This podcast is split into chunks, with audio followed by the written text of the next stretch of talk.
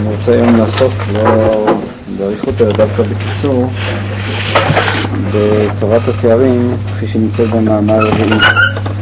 כבר אה, הזכרנו בתחילת הלימוד בנושא הזה שבמאמר הרביעי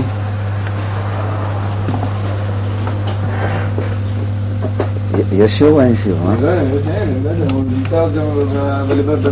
בטח יהיה. הזכרנו כבר שבעצם ב, ב, ב, ב, במאמר הרביעי הזריהל אומר דברים שהם שונים מאלה שאנחנו רואים במאמר השני. השאלה כמובן מה הרקע או מה מקור השוני. אמרתי, אין כאן סתירה, אבל יש כאן בכל זאת אה, אה, פיתוח של הדברים. השאלה מה, מה הרקע של הדברים, אז אה, אה, אני חושב שאפשר לפרש את זה בשני אופנים, או להסביר את זה כהתפתחות הדו-שיח שבין אה, חבר לבין הכוזרי, כלומר הוא בהתחלה מכניס לו את הדברים באופן מתון יותר, את התיאוריות היותר אה, נאמר רדיקליות הוא מביא אותן במאוחר, דבר שללא ספק אפשר להבין אותו. וראיתי איזו דעה של אחד החוקרים שהוא טוען שיש כאן באמת התפתחות במחשבת ריאל עצמה והכוזרי זה ספר שנכתב כידוע, זה ידוע כנראה מבחינה היסטורית אה, תקופה ארוכה אז הוא טוען, הוא רוצה להסביר את הדברים באופן כזה, גם לא הכרח שיש סתירה, ייתכן שההתפתחות האישית של ריאל, ההתפתחות המחשבה של ריאל השתקפה גם בחינוך שהחבר מחנך את הכוזרי. קודם כל אלה הערות אה, אה, מתודיות. אה, ההבחנה בולטת ביותר, שלא נזכרה לפני כן במאמר השני, היא שכל תורת התארים היא משתלבת כאן ומשתבצת כאן בתורה של הכבוד הנברא, שעליה גם כן דיברנו כבר ב, אה, באריכות. כלומר, אותה שאלה, שהיא השאלה של תורת התארים, איך ניתן ליישב את אה, מושג האלוקים שמביא אליו השיקול הפילוסופי הצרוף עם אה, עבודת השם ועם התיאורים ש, שאנחנו מוצאים של הבורא יתברך בתורה, בתנ"ך, השאלה הזאת שנפתרה באופן פילוסופי, כפי שאנחנו ראינו דרך תורת התארים השליליים, תארי הפעולה וכן הלאה, כאן היא מוצאת את פתרונה באופן שונה, וזה דבר שהוא מאוד בולט. האופן הוא פשוט ביותר, התארים משתייכים לא לעצמות האלוקית הנשגבה והנפלאה לכשעצמה, אלא התארים משתייכים, השייכים, לכבוד הנברא. זאת אומרת שכל התארים על הקדוש ברוך הוא, תארים אנושיים, הם שייכים לא לעצמות האלוקית, אלא לכבוד הנברא, שהוא, כפי שאנחנו למדנו כבר, אה, הוא אה, אה, ישות נבראת. כלומר, איננו חלק מהעצמות האלוקית, אלא היא, נאמר, הגוף האלוקי, אמנם הנשגב והנעלה, שהוא נעלה ונשגב מכל המלאכים כולם, מכל מקום הוא ותפקידו לייצג את האלוקים בחזון הנבואה, בעיני המשיג וכן הלאה. זה בעצם אפשר לומר הפתרון הבסיסי של, אה, של נושא התארים, אה, של שאלת התארים כפי שהיא מופיעה במאמר הרביעי. וזה ללא ספק שונה מאוד מה, מה, ממה שלמדנו במאמר השני. כמובן כאן כבר ראוי להזכיר דבר שכבר הזכרנו אותו, על אה, שריהל עומד כאן באיזשהו מקום בין הפילוסוף לבין המקובל. היום בכלל רוצה קצת יותר להתעסק בצדדים החיצוניים של הדברים ולא כל כך בפנימיות שלהם. פשוט אה, אה, אני חושב שכבר דשנו בעניין של טהרת התארים מבחינה פנימית מספיק, אני באמת רוצה קצת יותר לדון בידיעות, בידיעות החיצוניות של הדברים.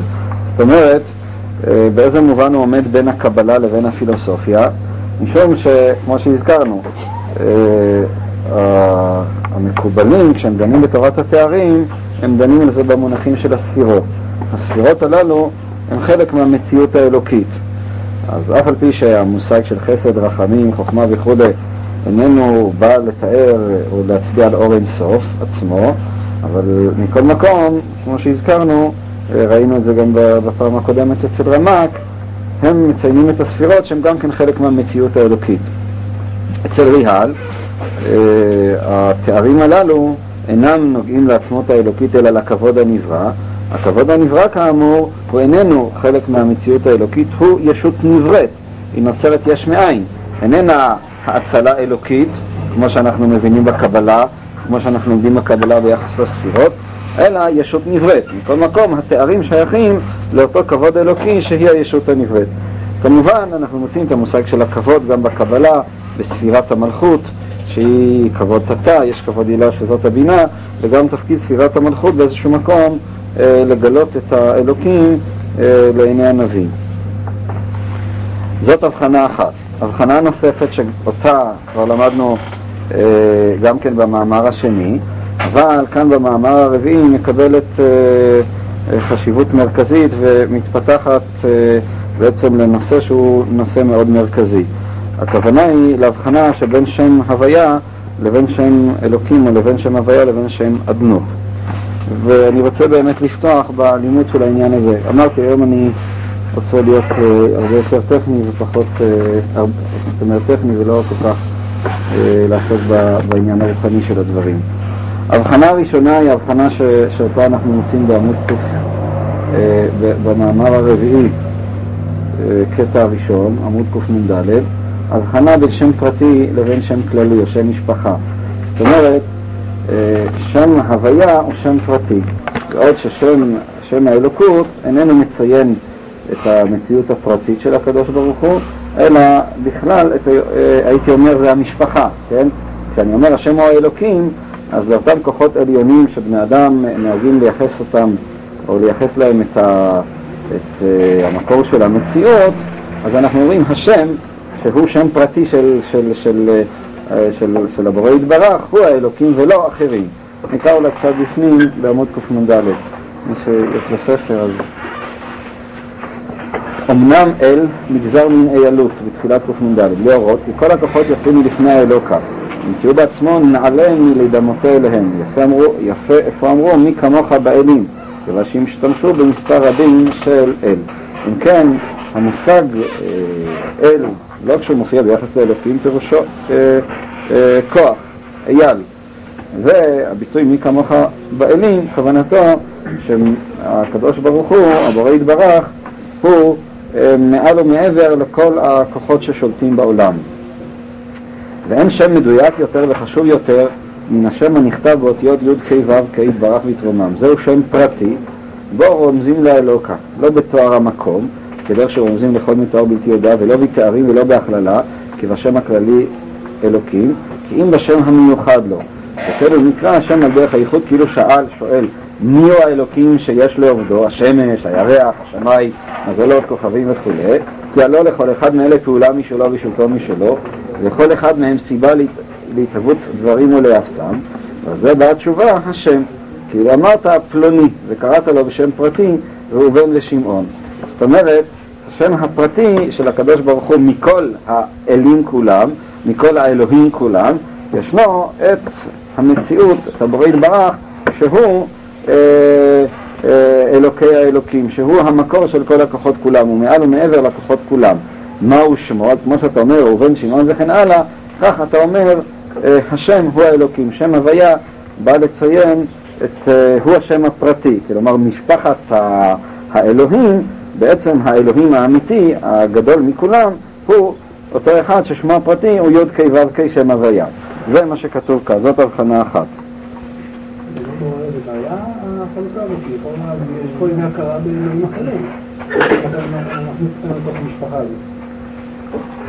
זה שיש אה, אה, אלוהים נוספים, ברור שצריך להבחין הבחנה חותכת אה, ובלתי ניתנת להתפשרות בין האלוהים לבין אה, הוויה, שם הוויה.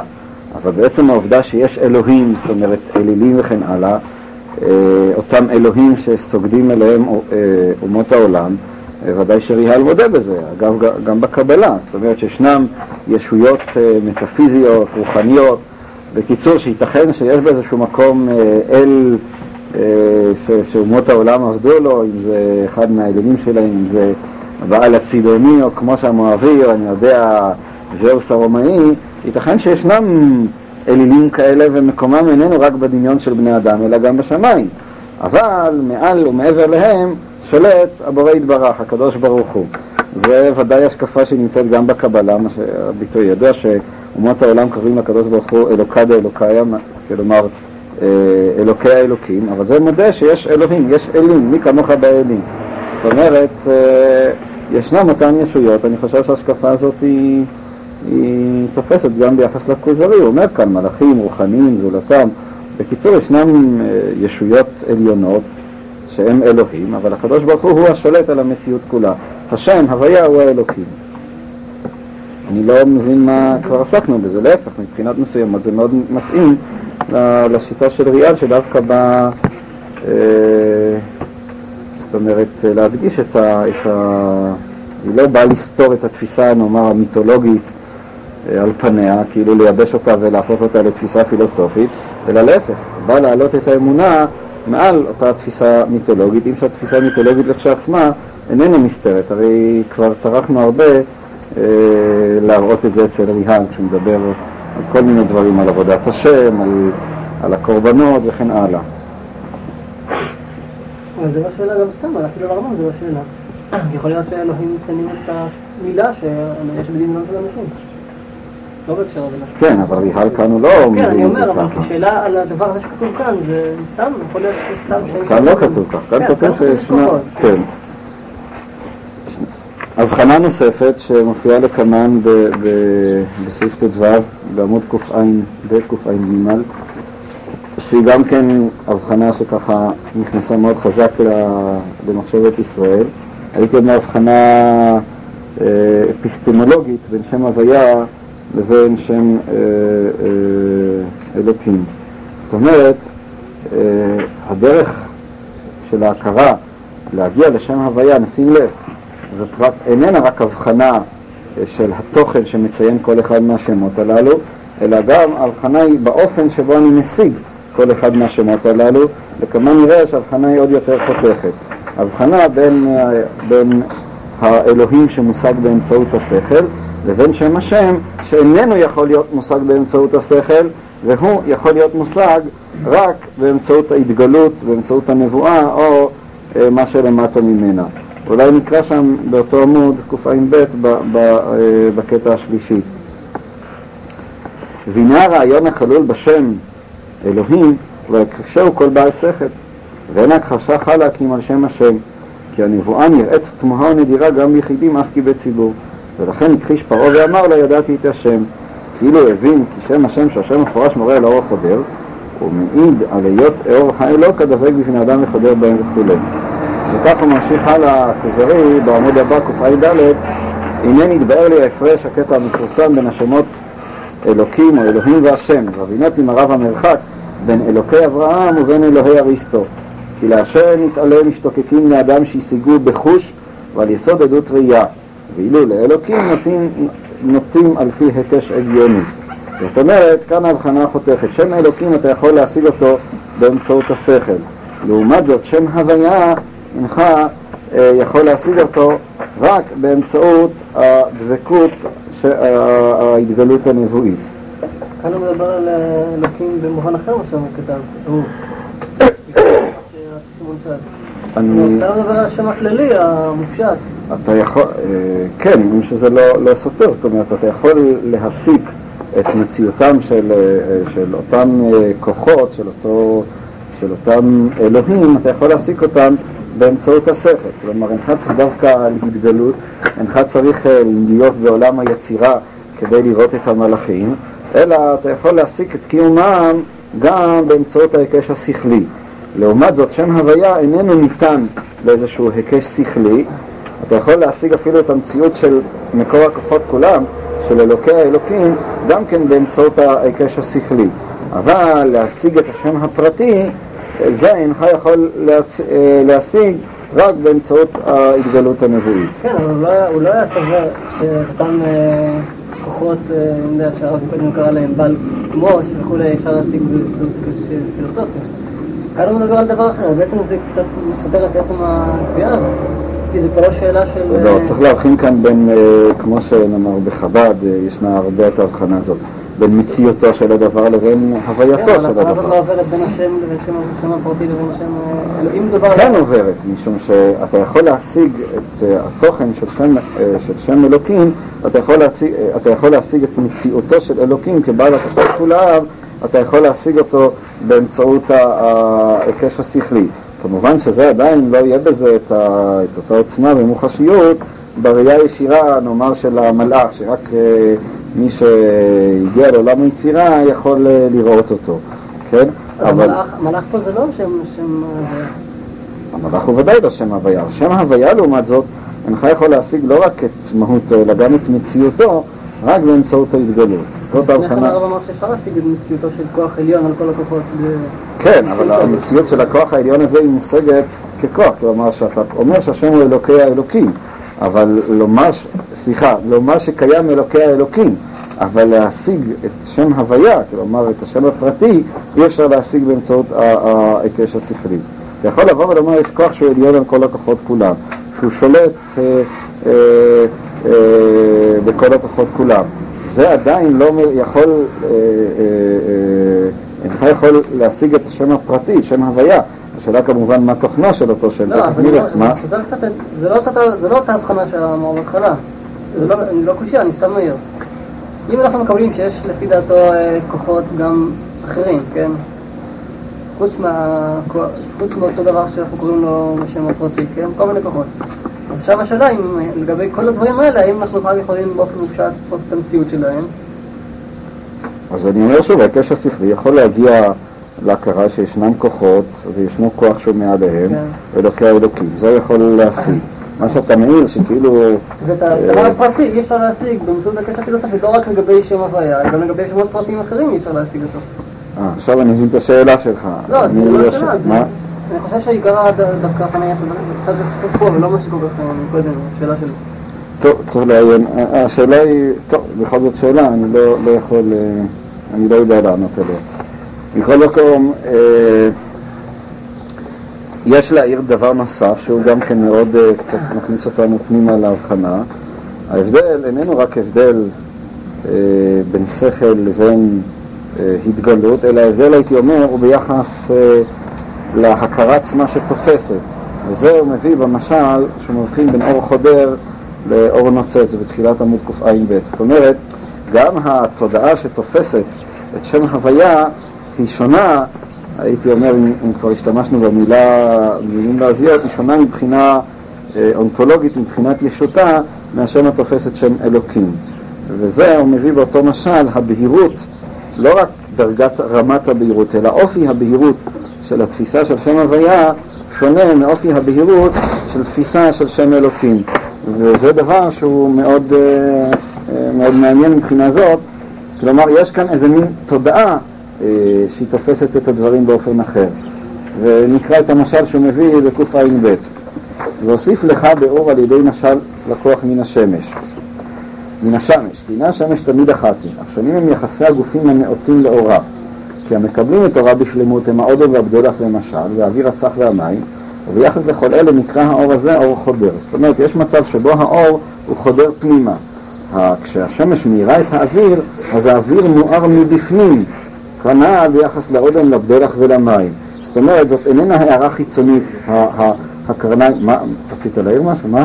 זאת, קרני השמש אינן מטילות אור על גוף והאור אחר כך חוזר, חוזר אלינו, אלא האור, הוא, ה, ה, אותו גוף מואר באמצעות השמש, הוא מואר מבפנים, לא מבחוץ. וביחס לאבנים נוצצות בנות השטחים המוקצעים, אור נוצץ למשל, כן? אבנים נוצצות אבל אטומות, זה רק מבריק. וביחס לעצים לפרי אדמה וכדומה, אור כהה. ואילו ביחס לשאר הדברים, אור בכלל בלא כל ייחוד. והנה לאור הכללי דומה השם אלוקים כמו שדעתי למעלה, ולאור החודר דומה השם השם, שם מסוים ומיוחד המורה על היחס אשר בין האלוקה לבין ברואיו השלמים ביותר על פני האדמה לא הם הנביאים, שנפשותם זכות והן מקבלות את אורו החודר בהן כחדר אור השמש בבדולח ובאודם.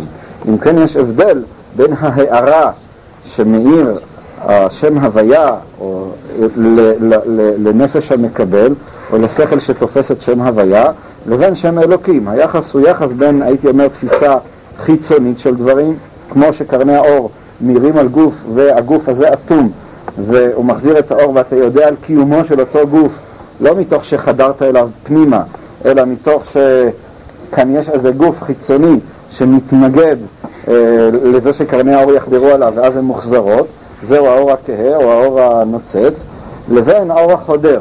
האור החודר היא הערה מבפנים.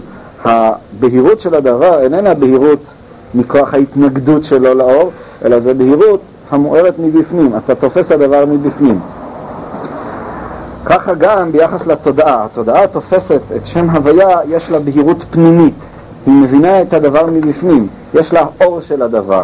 לעומת זאת, התודעה תופסת את שם אלוקים, היא לעולם תישאר תודעה, הייתי אומר, מנוכרת. היא תופסת את הדבר מבחוץ, משום שהאור איננו חודר פנימה, אלא, וזה נכון ביחס לכל תפיסה שכלית שהיא, סליחה, תפיסה שכלית אה, אה, חיצונית, שאינך רואה, אין לך בהירות של עצם הדבר, כבר עסקנו בעניין הזה כמה פעמים, אלא אתה יכול לדעת על קיומו של הדבר, אבל לעולם האור איננו חודר, הדבר איננו מואר מבפנים. זאת אומרת, יש שני סוג, אם ננסח את זה בלשון קצת אחר, שני סוגי השגה. יש השגה שיש לך בהירות בעצם העניין, כן, בגמרא, כל דבר, כן? אתה רואה את הדבר והאמת של הדבר היא, היא, היא, היא, היא ניכרת מתוך עצמו, מתוך הבהירות של העניין עצמו, ויש מצב שאתה מבין את הדבר, אבל בעצם ההבנה שלך נשארת מחוצנת, זה רק אתה יודע את קיומו. באיזשהו מקום, אותו משל שהבאתי, שהבאנו בזמנו, משולש ושוקה עם הזוויות שוות.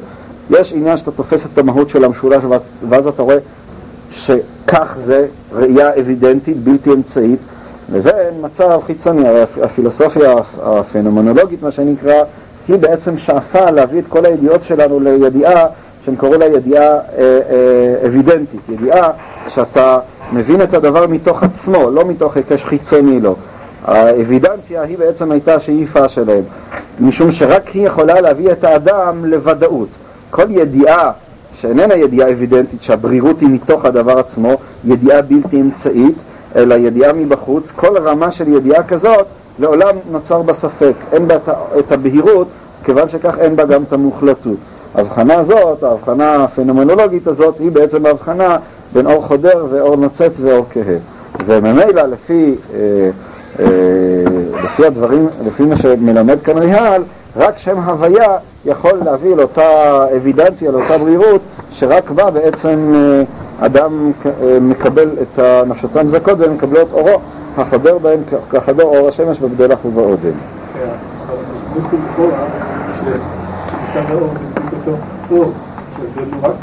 הוא רק מן הכלב, לפעול מתוך הפסקה הזאת, משמע, פה משל של שמש, שההבדל היחיד הוא שהוא מצד הדברים שמשתקף בהם. כן, אם אני מבין נכון את השאלה שלך, אז זה נכון, אבל... יש הבדל לכאורה.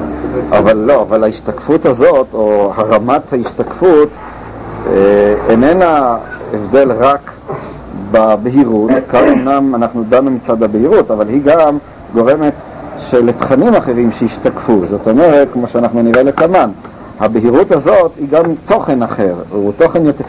נכון שישנה רק את השמש האלוקי, אבל כשם שאתה מבין שהשמש האלוקי, מידת החדירה של הפנימה תלויה בכלי המקבל, כך גם נאמר תוכנה של אותו שמש אלוקית התכנים ש, ש, שמקבל הנביא, ללא ספק הם נעלים, נשגבים, מהתכנים שמקבל הפילוסוף, שמקיש את האלוקים מבחינה שכלית.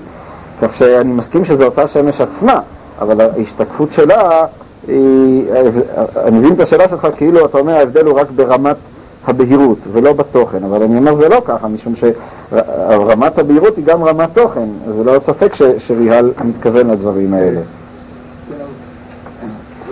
הדבר שמבחין את ההבדל של מתוכן לתוכן זה לא, זה לא נדבר על פריזמה אלוקית.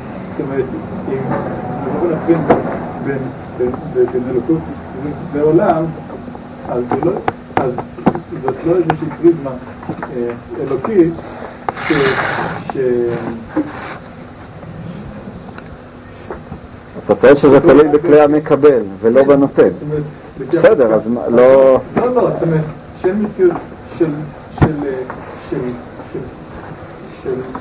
כלומר, נאמר, בניגוד לקבלה, שהספירות עצמן הן חינן. אם שאתה רואה למשל בחסידות, הם כבר פירשו את הקבלה בכיוון של ריאל. זאת אומרת, בעצם ההבדל במקבלים הוא זה שיוצר את ההוויה האובייקטיבית של המציאות האלוקית, ואין כאן להבחין בין, אה, בין אה, מציאות אובייקטיבית של, ה, של האלוקות לבין המציאות כפי שמשתקפת בכלי המקבל. אבל מסכים איתך ש, שהדברים הם כאן מנוסחים כמו שאמרת. מה המשמעות של שם הפרטי של שם הוויה? זאת אומרת, לכאורה, אה, כשאני אומר, כשאני יודע שלראובן קוראים, לאדם הזה קוראים אה, ראובן, הידיעה הזאת לכשעצמה היא חסרת משמעות, אלא יש לה משמעות רק במידה שאומנם אני מכיר את, אה, את ראובן, את תכונותיו, אז ממילא, זאת אומרת, כשאני מייחס חשיבות לידיעת שמו של אדם, זה משום שאני באיזשהו מקום יודע מיהו האדם, מכיר אותו. השאלה, שהיא כמובן כאן קשה בהקשר הזה, העובדה שאני יודע שהקדוש ברוך הוא אה, אה, שמו, שם הוויה, שזה שמו הפרטי, העובדה הזאת, מה בעצם היא מוסיפה לי? שהרי אנחנו מודים שאי אפשר לתפוס את העצמות האלוקית, כמו שריהל עצמו פתח בתחילת הקטע.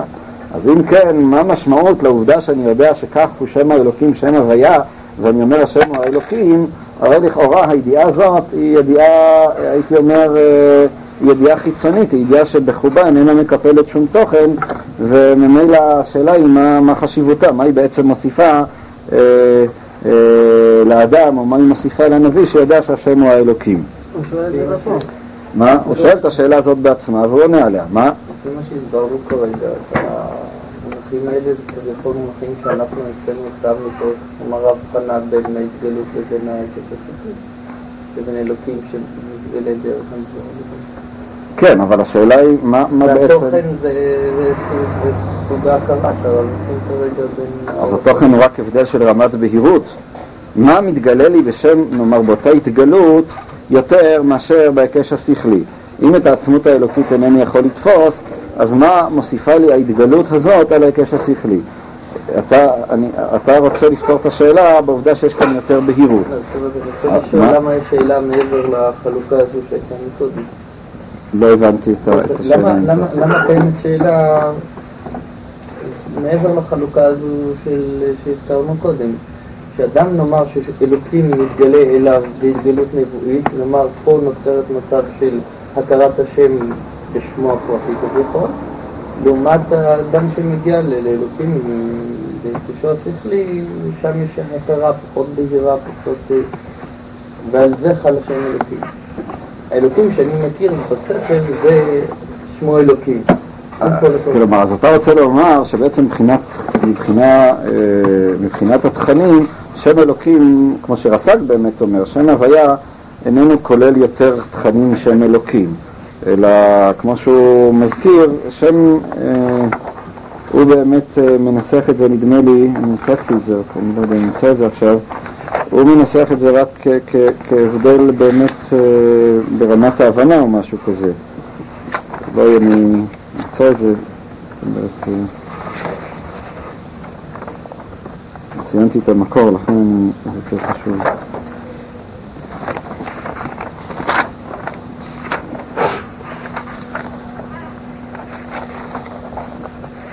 רס"ג באמת אה, אומר, אני חושב, אם הבנתי נכון את מה שאתה אומר, אה,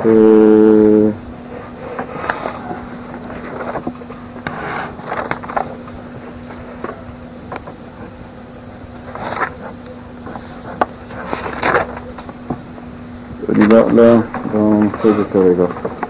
מכל מקום, ההנחה שריהל מניח, שזה לא רק הבדל אה, של רמת הבהירות שיש לי בעניין, אלא גם הבדל תוכני. זאת אומרת ששם הוויה כולל ב, או מקפל, ב, מקפל בחובו תכנים יותר אה, גבוהים מ- משם, אה, משם אלוקים. מה, מה, זה לא... אני שואל את השאלה שלו, זה לא רק רמה, אם אני יודע שיש בן אדם מסוים, או שאני מכיר אותו, אז ודאי שזה הבדל בתוכן. כמה שאני לא יודע שהוא קיים, אבל אני בכלל לא יודע כלום. זה אז מה בעצם, מה פירושה של אותה הכרה? בוא ננתח הלאה. כאן אתה בעצם חודר לעצ... לגוף השאלה, אפילו בעומק הרבה יותר ממה שחשבתי אה, לעסוק בו. אתה אתה, כאן אתה ממש נוגע בשפיץ של השאלה, ובאמת לא חשבתי להעמיק בעניין הזה כל כך, אבל אתה אומר, כשאני מכיר את ראובן, אפילו שאני לא מכיר את תכונותיו, אבל אני מכיר את ראובן. זה עצמו, כאילו, זאת אומרת, השם הפרטי שלו זה לא רק איזה סמל, סימבול, אלא הוא מציין את העובדה שאני מכיר את פרטיותו, זה מה שאתה בעצם רוצה לומר. כך הבנתי את השאלה שלך ושל ראובן, אולי גם בזה אני טועה. לא, אבל יש פה עוד שתי שאלות. יש כאן אה, שאלה האם השם הוא אה, משהו עצמי, האם יש משמעות לשם? לא, אני דן מעבר לשאלה הזאת. אה, אנחנו תפסנו גם- את שם הוויה, מה? יש גם לא. מה? לא, יש גם ב- ב- ב- בראייה לזה תפיסה שהשם הוא תפיסה קבלית גם כן של השם. שהשם הוא...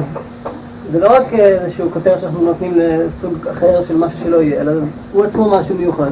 כן, זה- זה זה הכיוון של התשובה, אז אולי במקום להסתובב נקרא מה שהוא אומר בפנים. אמר הכוזרי, ואיך אקרא בשם מיוחד את שאין לרמוז עליו, וכל ראייתי עליו מפעולותיו היא. זאת אומרת, מה, איך אפשר לקרוא בשם מיוחד את אותה מציאות שבעצם אין לרמוז עליה, שהיא חסרת מקום, שכל רמז עליה הוא בעצם אה, איננו נכון, הוא מפספס. בסעיף אה, ב'. קמ"ד, סעיף ב', וכל ראייתי עליו מפעולותיו הוא. אמר, זאת השאלה של הכוזרי. התשובה של החבר, יש ויש עליו רמז, בעדות הנבואה ובראיית הלב. לכן הוא פותח ראשית באותה כפילות, אותה, אותה, אותה שניות שבעצם אפשר לומר היא נחרזת כאן על חלקים רבים בספר. אפשר להשיג את שם הוויה ולרמוז עליו בשניים, בעדות הנבואה ובראיית הלב. זאת אומרת, הוא איננו מסתפק רק בעדות הנבואה, אלא נוסף לעדות הנבואה, יש כאן גם את ראיית הלב. זה דבר חשוב. כלומר, אתה יכול להשיג את שם הוויה לא רק בחזון הנבואי, אלא גם בראיית הלב. נזכור שבעצם זהו ההבדל שמח... זה לא תמיד רואים מיד.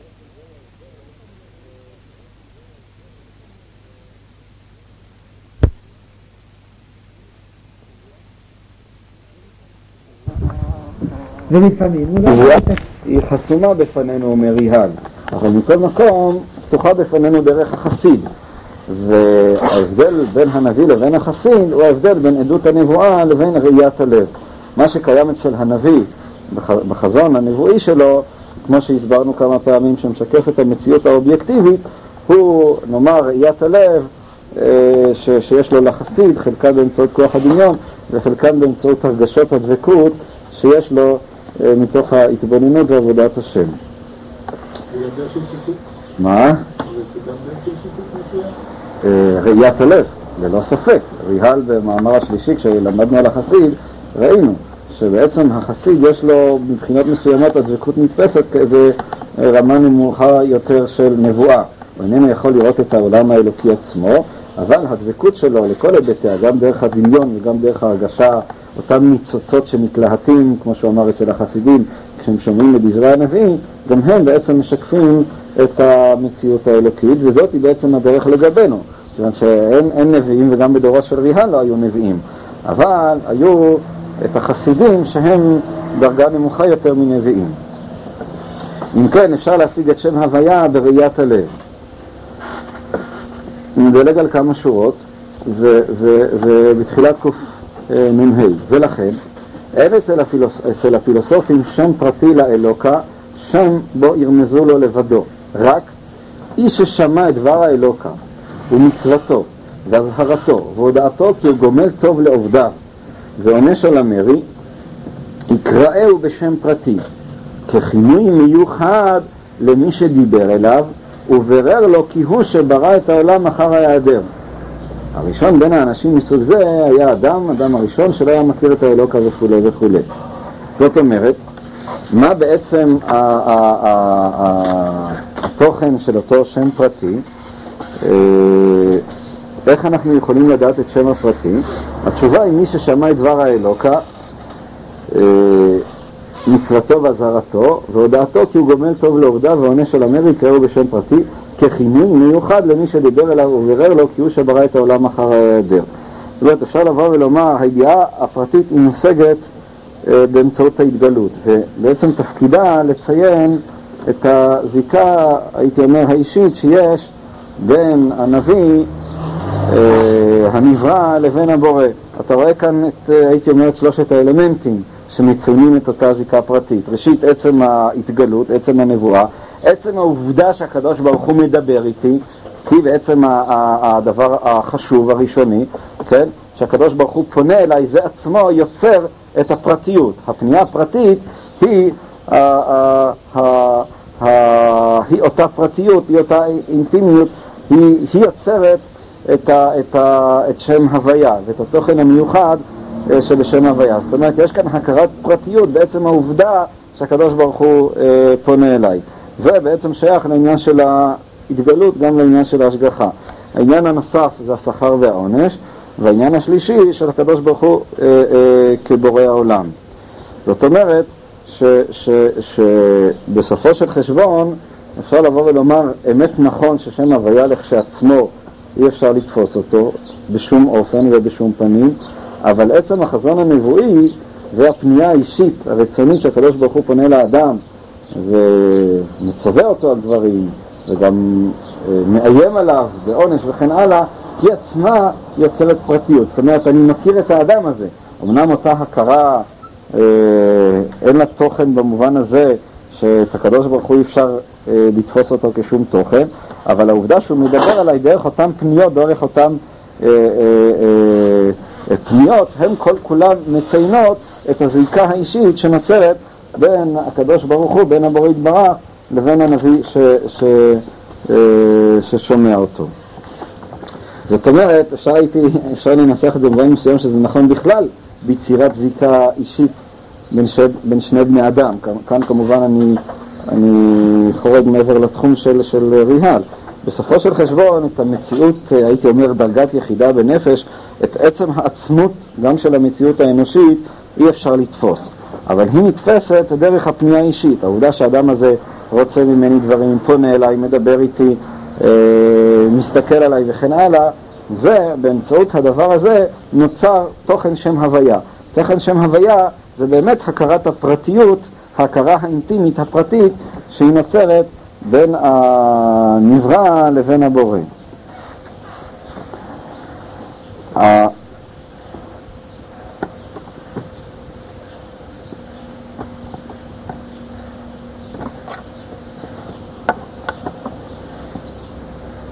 זאת אומרת, אם ננסח את התשובה לשאלה, אה,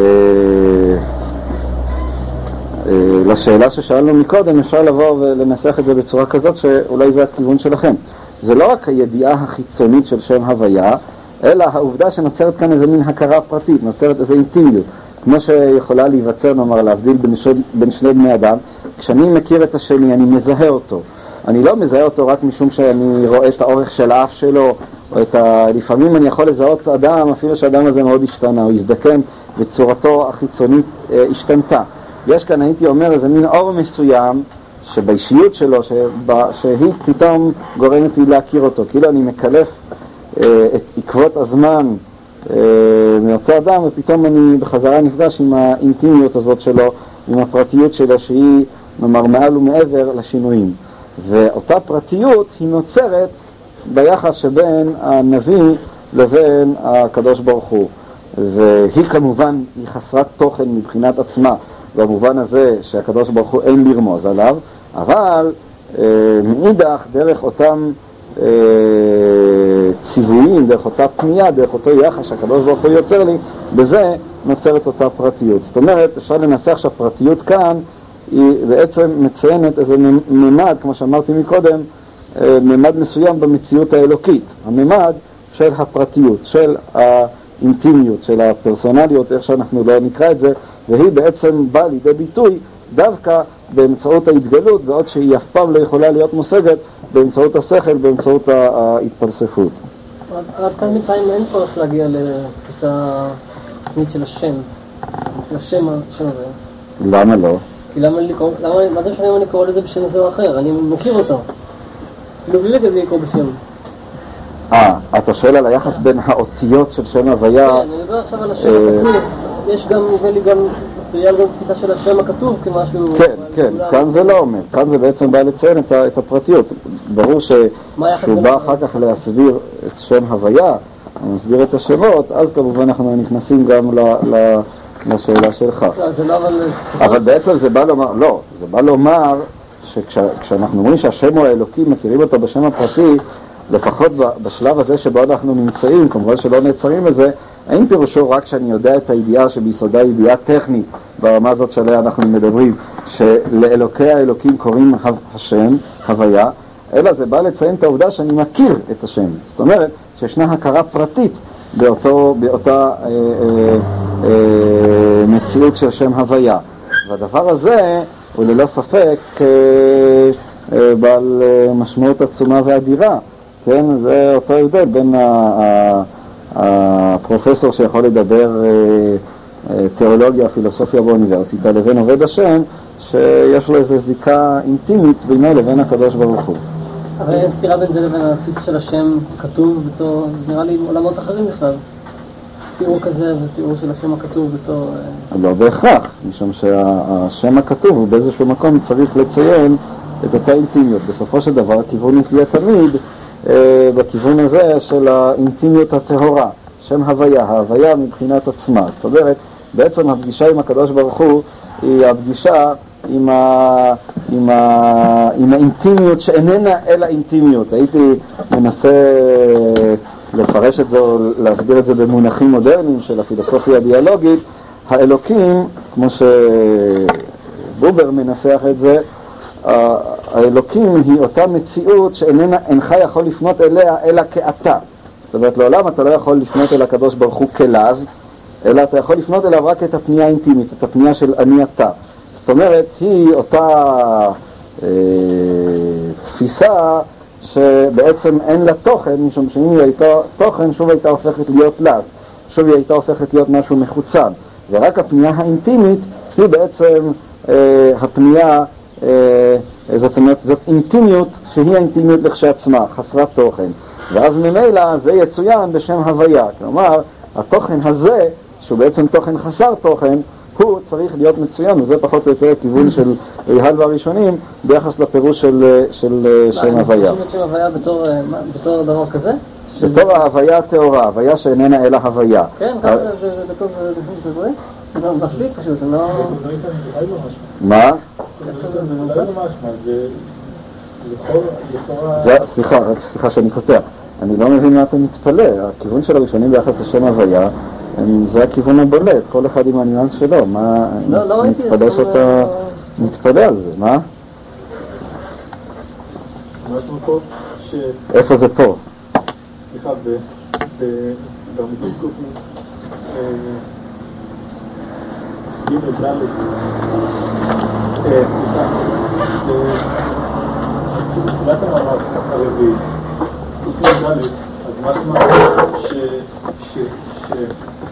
שמושג עלינו זה זה מושג קונקרטי מאוד, שבלי המצוות, שבלי שכר ועונש, אז בכלל, בכלל זה, לא היה, זה לא היה שייך. אני לא מדבר מצד שיש שם הוויה ותראה בתורה ומצוות ברור שאם לא היה שום קשר של תורה ומצוות אז לא, אז לא היו יכולים לדבר על זה.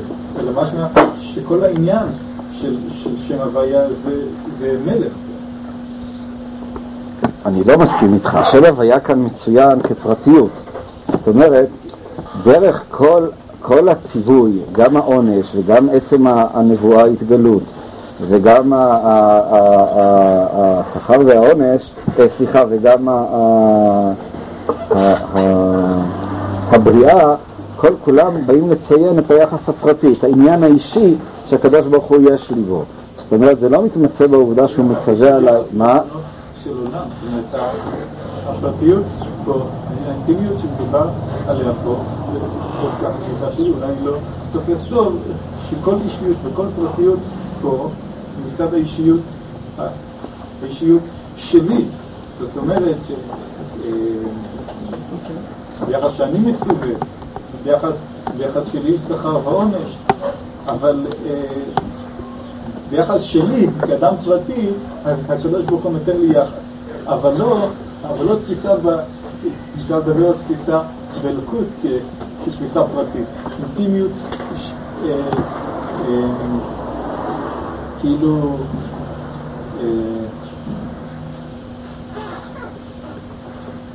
השם הפרטי שלו. אפשר לומר שהקדוש ברוך הוא שמתייחס אליי כאליי פרטי, אז לזה אני קורא שם הוויה. אבל לא משמע שהשם הוויה פה זה פרטיות של, מעלה. זה ברור שאתה לא יכול לדבר על פרטיות ביחס לקדוש ברוך הוא, משום שזה מה שהוא אומר כל הזמן, אינך יכול לרמוז עליו, אין, אין לנו בו שום השגה.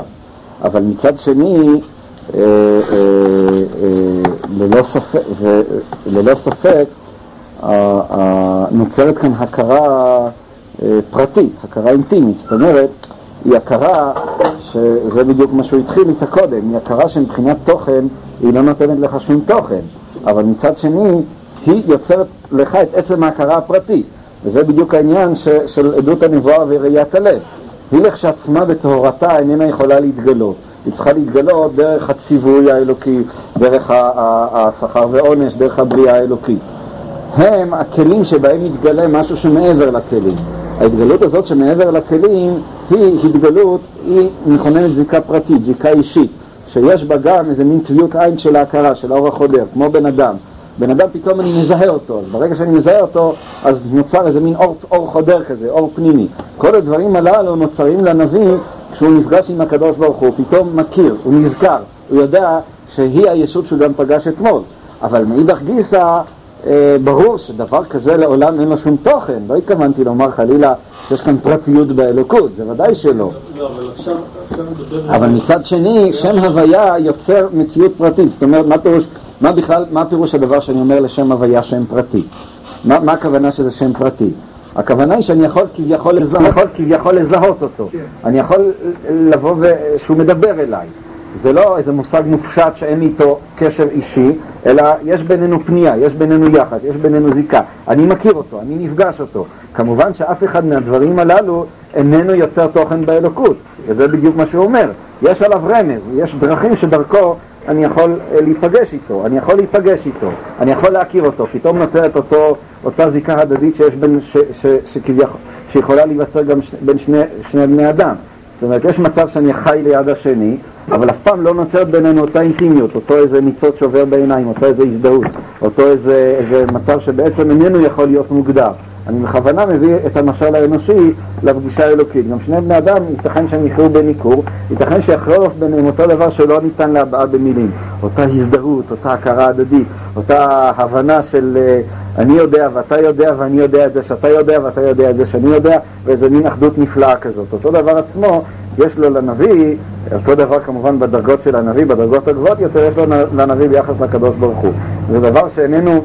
אין בו תוכן, ודאי אין פרטיות באלוקים, אבל בכל זאת נוצר כאן, אה, אה, מתכונן כאן אה, איזשהו יחס פרטי, זה מה ש... זה, זה התכוונתי, אני לא רואה שיש בינינו מחלוקת. אתה, אני מבין שאתה חרד שכאילו כאן אה, אנחנו באיזשהו מקום מגשימים את האלוקות חלילה או משהו כזה, לא זאת הכוונה כמובן. ברור שכל זה נוצר ביחס שבין הנביא לבין הבורא, אבל זה מציין את, את אותה פרטיות, את אותה יחס אישי פרטי. ברור שאנחנו בזה לא מתכוונים שום דבר לומר ביחס ל, ל, ל, לעצמותו יתברך, אין בזה שום כוונה. זאת אומרת, אם אנחנו, אה, מה שאנחנו ראינו עד עכשיו, כן, וזה גם, אם נסכם, אני פשוט רוצה לסכם, אני רואה את הכיוונים. ראשית להיזכר שבמאמר השני, שם הוויה התגלה דרך הניסים. זאת אומרת, דרך, הפ... דרך תארי הפעולה הבלתי אמצעיים, דרך אותם תארי פעולה שאינם עוברים דרך שאר העניינים בעולם. זה מה שלמדנו במאמר השני. במאמר הזה אנחנו רואים אה, אלמנטים נוספים. היינו, ראשית, שם הוויה מתגלה באמצעות הנבואה, או ראיית הלב, באמצעות ההתגלות, שהיא, כמו שאנחנו תיארנו, מכוננת את היחס הפרטי הקדוש ברוך הוא מעוניין בי. והדבר השלישי שהזכרנו אותו מקודם, כל הדברים הללו הם גם הבדל, הבדל שבין שכל לבין התגלות, הוא גם הבדל שבין אור חודר, כמו שהוא הגדיר את זה, ל, ל, ל, אה, לאור כהה. זה שלושת הרבדים. צריך להוסיף לעניין הזה שכבה נוספת. ואני חושב שבזה אנחנו פחות או יותר, שוב, הדברים הם באמת, אה, כולם הולכים בכיוון אחד, ואפשר אפילו אה, להראות, הם, הם בעצם כיוון אחד. השכבה הנוספת זה, הייתי אומר, ההבדל בין שם הוויה לשאר השמות כולם, שם הוויה איננו כשאר השמות, השמות מתייחס לגוף הכבוד האלוקי, אבל דרך הכבוד מושגת הפרטיות. כמו אה, באותו משל בעמוד קנ"ט, אה, אה, המשל על, על המלך, שדרך גופו אנחנו משיגים את, את, את הווייתו האלוקי. שהוא דן שם ביחס לשם אדנות ומביא את המשל הזה של, של, של המלך. הכוונה היא, וזאת הבחנה נוספת, שבין שם אדנות שמציין את ההוויה האלוקית כפי שהיא נתפסת דרך אה, הכבוד, דרך גוף הכבוד, כן? הקדוש ברוך הוא נראה לי כמלך. הכבוד האלוקי, אז כמו שהוא מתאר, הקדוש, הבורא יתברך מופיע אה, בפני החזון הנבואי כמלך היושב על כיסא וכן הלאה. לכן הוא יכול לתאר אותו בשם מלך. לעומת זאת, השם הוויה איננו בא לציין משהו בכבוד, שהוא ההופעה של החזון בעיני הנביא, אלא אה, אה, אה, הוא מציין, הייתי אומר, את ההוויה האלוקית בעצמותה. נכון שהדרך של הנביא לתפוס את ההוויה האלוקית היא תמיד דרך הלבושים, דרך הכבוד, אבל בעוד שהכבוד מציין, שאר השמות כולם מציינים את, ה, את, ה, את דברים שהוא רואה בכבוד עצמו, שהם הכבוד האלוקי, הרי שם הוויה הוא מתכוון לומר שדרך הכבוד האלוקי, כשם שבמשל של המלך, דרך הגוף של המלך, הוא משיג משהו מעל ומעבר, שזאת היא הנפש המדברת השכלית, שהיא מופשטת, שלה אין שום לבוש ובה אין שום גוף. ככה גם שם הוויה, דרך הכבוד, מושג, מושגת המציאות האלוקית המופשטת, שהיא עצמה איננה כאמור חלק מהכבוד, והכבוד הוא מחוצה לה. זה כמובן מזכיר לנו גם כן, אגב, שוב, אם אני אנסה להשוות את זה קצת לקבלה, אז אפשר לומר, לא, לבוא ולנסח את זה ככה. ראשית, ספירת הכבוד, כבוד תיתה, היא גם כן ספירת שם אדנות, שזאת ספירת המלכות. מבחינה זאת זה מקביל כאן למה שהוא מדבר במשל של המלך. מצד שני, שם הוויה, גם הוא בקבלה מציין, אה, כפי הנראה, לפחות אצל חלק, את התפיסה הפרסונלית של הקדוש ברוך הוא. הוא גם מציין את התפיסה המיוחדת לעם ישראל. אבל בעוד שאצל ריהל שם הוויה מציין, הייתי אומר, את העצמות האלוקית הגבוהה ביותר, הרי אצל הקבלה שם הוויה איננו אור אינסוף עצמו, אלא הוא שייך לספירת התפארת, שהיא הספירה של, של התורה, היא הספירה ששייכת לעם ישראל. הרי שם הוויה בקבלה איננו מבחינת הספירות בדרגה הגבוהה ביותר. אז מבחינה אחת אני רואה הקבלה בין ריהל, בין הקבלה לבין ריהל, במובן הזה ששם הוויה הוא מציין את התפיסה הפרסונלית של האלוקות. מי שירצה יש גם בארפה לתואר, מדבר על זה קצת. והוא מציין את הספירה המיוחדת לעם ישראל. מאידך גיסא, אה, אצל ריהל אנחנו מוצאים את אותם שני אלמנטים, ההתגלות לעם ישראל דווקא, נבואה הרי שייכת דווקא לעם ישראל, היחס האישי הפרסונלי שנוצר, אה, שהוא מבטא את שם הוויה, אבל בעוד שאצל ריהל זה בעצם ביטוי של העצמות האלוקית עצמה, הרי בקבלה כאמור זה שייך גם כן אה, לספירת התפארת ולא אה, לעצמות האלוקית עצמה. יש כאן, בנקודה הזאת אני סוגר את העניין, אני רואה שלהתחיל נושא חדש כבר לא מספיק היום.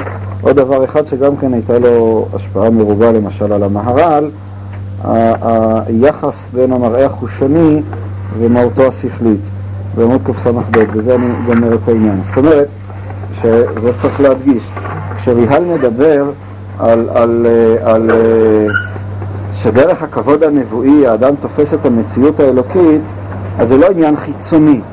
היחס איננו רק יחס בין משל לנמשל, אלא, אלא, אלא אה, יחס עצמי. מה אני מתכוון לומר? שמה שהנביא רואה בחזון הנבואי, הוא מבטא באיזשהו אופן את התוכן עצמו אה, האלוקי. זאת אומרת, שדבר ש, ששוב גם, גם בקבלה נמצא וגם המהר"ל מאוד מדבר עליו, אה, הוא מביא את זה, מביא לאיזה משל, כמו ש... ש אה, אולי נקרא את זה בפנים, אה,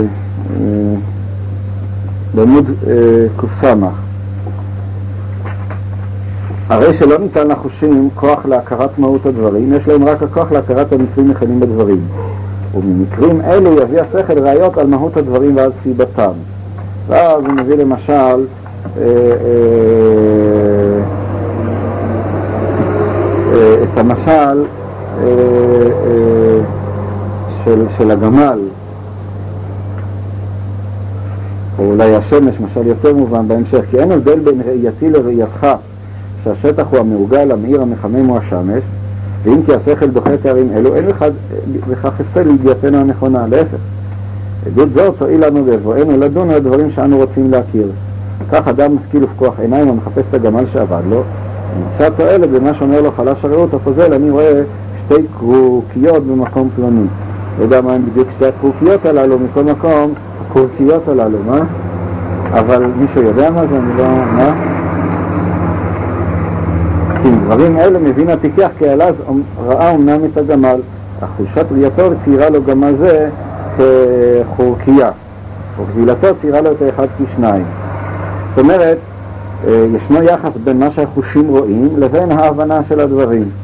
ובהמשך, בתחילת קס"א, וכשם שקבע בורא יתברך בדקות רבה את היחס הזה בין החוש החיצוני ובין המוחש הגשמי, כך קבע בדקות רבה יחס בין החוש הפנימי ובין העניין הבלתי גשמי, שכן נתן לבחירי ברואיו עין פנימית הרואה את כל הדברים כמו שהיו בהווייתם מבלתי משתנית, ואילו השכל מביא מן הדברים הבודדים ראיות על מהותם ועיקרם. זאת אומרת, נבחין, כשם שיש יחס בין המראה החושי לבין מה שבעל השכל משיג, הוא משיג את מהות הדברים, אותו יחס עצמו נמצא בין העין הפנימית המראה הנבואי לבין ההבנה השכלית שנשים לב שהיא מופיעה אצל ריהל בסופו של חשבון ברמה הגבוהה יותר שהיא מבינה את המהות של הדברים. זאת אומרת, היחס בין מראה הנבואה לבין התוכן של, שלה איננו רק איזה משל ונמשל או איזה יחס חיצוני, אלא יחס פנימי. שהרי כשם שיש איזשהו יחס בין מה שהחוש רואה לבין המהות, אפילו שהחוש רואה את הדברים באופן מעוות והשכל מכל מקום יכול להשתמש מתוך הנתונים ולהשיג את מהותם של הדברים, כך הדברים אמורים גם ביחס למשל ולחזון הנבואי, הוא אה, היחס בין המשל והחזון הנבואי לבין הנמשל, שהוא השגה האלוקית המופשטת. אז נשים לב שוב שריאל על דרכו מעמיד בסופו של חשבון, וגם הדבר הזה כבר הגשנו, את ההשגה המופשטת, שהוא קורא לה השגה שכלית, הוא מעמיד אותה מעל החזון הנבואי, זה נשים לב, אומרת החזון הנבואי בסופו של חשבון הוא פחות מההשגה העצמית המופשטת שהיא, שהיא ההשגה הרוחנית, השגה שכלית. מכל מקום, אין ביניהם, זה לא יחס של משל ונמשל, אלא יש יחס אה, פנימי בין הדברים, כשם שיש יחס בין המוחש לבין מה שחשים אותו.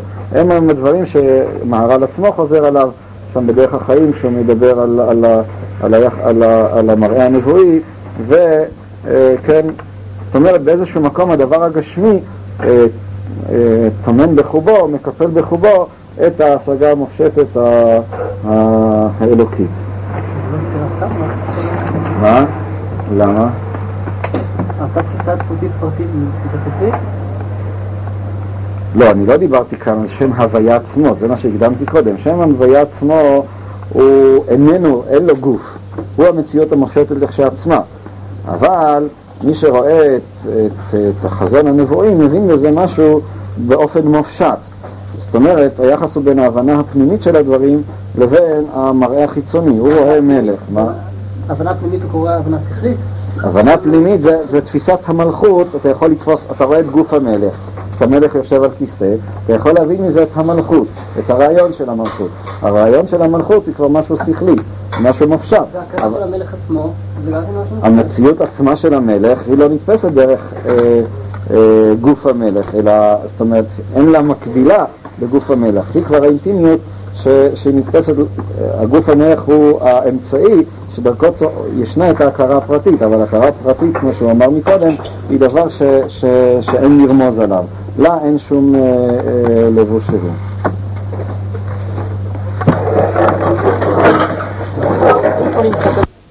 זה על פי דרכו, חנוך לנער על פי דרכו. זה קשה להיות מורה של עשרים ילדים, אבל יש בכל זאת דברים משותפים. אז אנחנו מסבירים שגבור, שתשובה זו גבורה גדולה. אני למשל מסביר סיפור, מספר סיפור, לא יודע אם זה סיפור לילדים, שהיה מורה אחד, הוא גמר סמינר למורים, יעדו אותו לכיתה י"ב של עבריינים. הוא מורה רזה, אה, חיוור, יושב בו בחדר מורים, וליבו דופק בקרבו והוא מחכה לטבילת האש, והשעון, הפעמון מצלצל ונכנס לכיתה.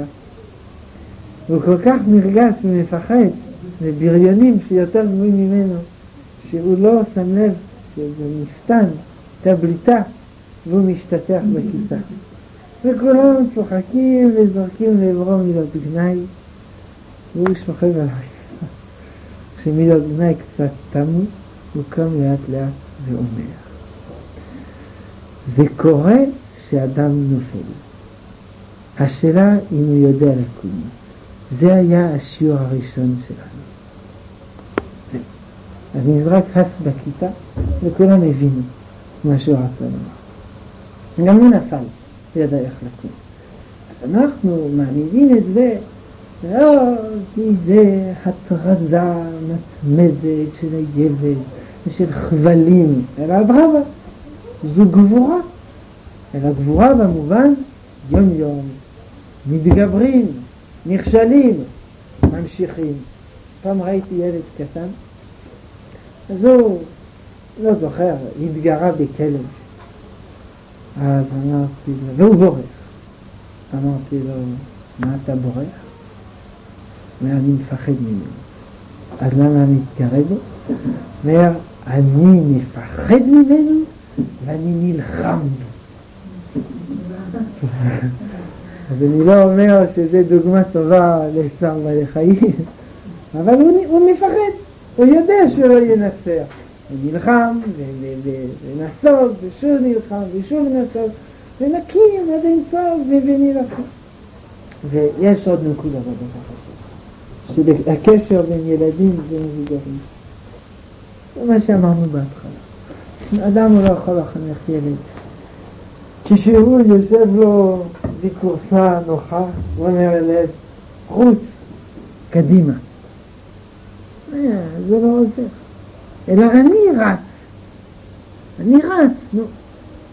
אולי גם אתה תבוא אחריי. אז כמובן הילדים הם לא מכירים את החיים הפרטיים של המחנכים, והם רק רואים, אה, אני יודע, קטע קטן, והמורה בכיתה הוא לבוש אה, מסכה במידה מסוימת, זה לא מופיע על כל כולו. טוב, אבל על כל פנים, גם בזה יש אפשרות. זה, זה, זה החינוך. החינוך זה לא אני עומד פה ואתה תרוץ. אני רץ. ואני מנסה על זה שאני מתקדם, ואני מתגבר, ואני לוחם. אני מנסה למשוך אחרים אחריי במידה מסוימת. אני במאבק שלי, הוא במאבק שלו. לכן אין הבדל בזה. אם אני מדבר אליי או אני מדבר אל הילד. אותו דבר.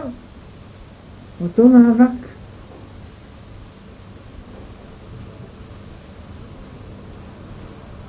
וגם הילד הוא לא טיפש. זאת אומרת, הוא לא יודע לנסח את זה במילים פדגוגיות כל כך יפות, אבל הוא מרגיש אינסטינקטיבית אם המחנך אומר לו דברים שהם דברים נלמדים, או שהם דברים שהם עצם חייו. אם המורה הוא בעצמו בעל תשובה. זה לא אומר בעל תשובה שפעם היה חילוני ועכשיו הוא למד בישיבת בעלי תשובה ולא הולך לצבא. הוא בעל תשובה, כמו שקוראים לזה בעל תשובה, הוא בעל, הוא בעל הבית על התשובה, היא תשובה, עכשיו,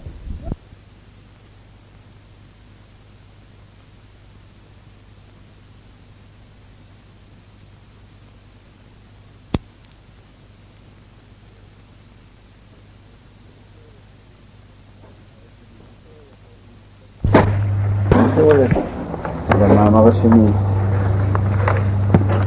אני רוצה היום לעסוק, לא באריכות אלא דווקא בקיצור, בתורת התארים כפי שנמצאת במאמר הרביעי. כבר הזכרנו בתחילת הלימוד בנושא הזה, שבמאמר הרביעי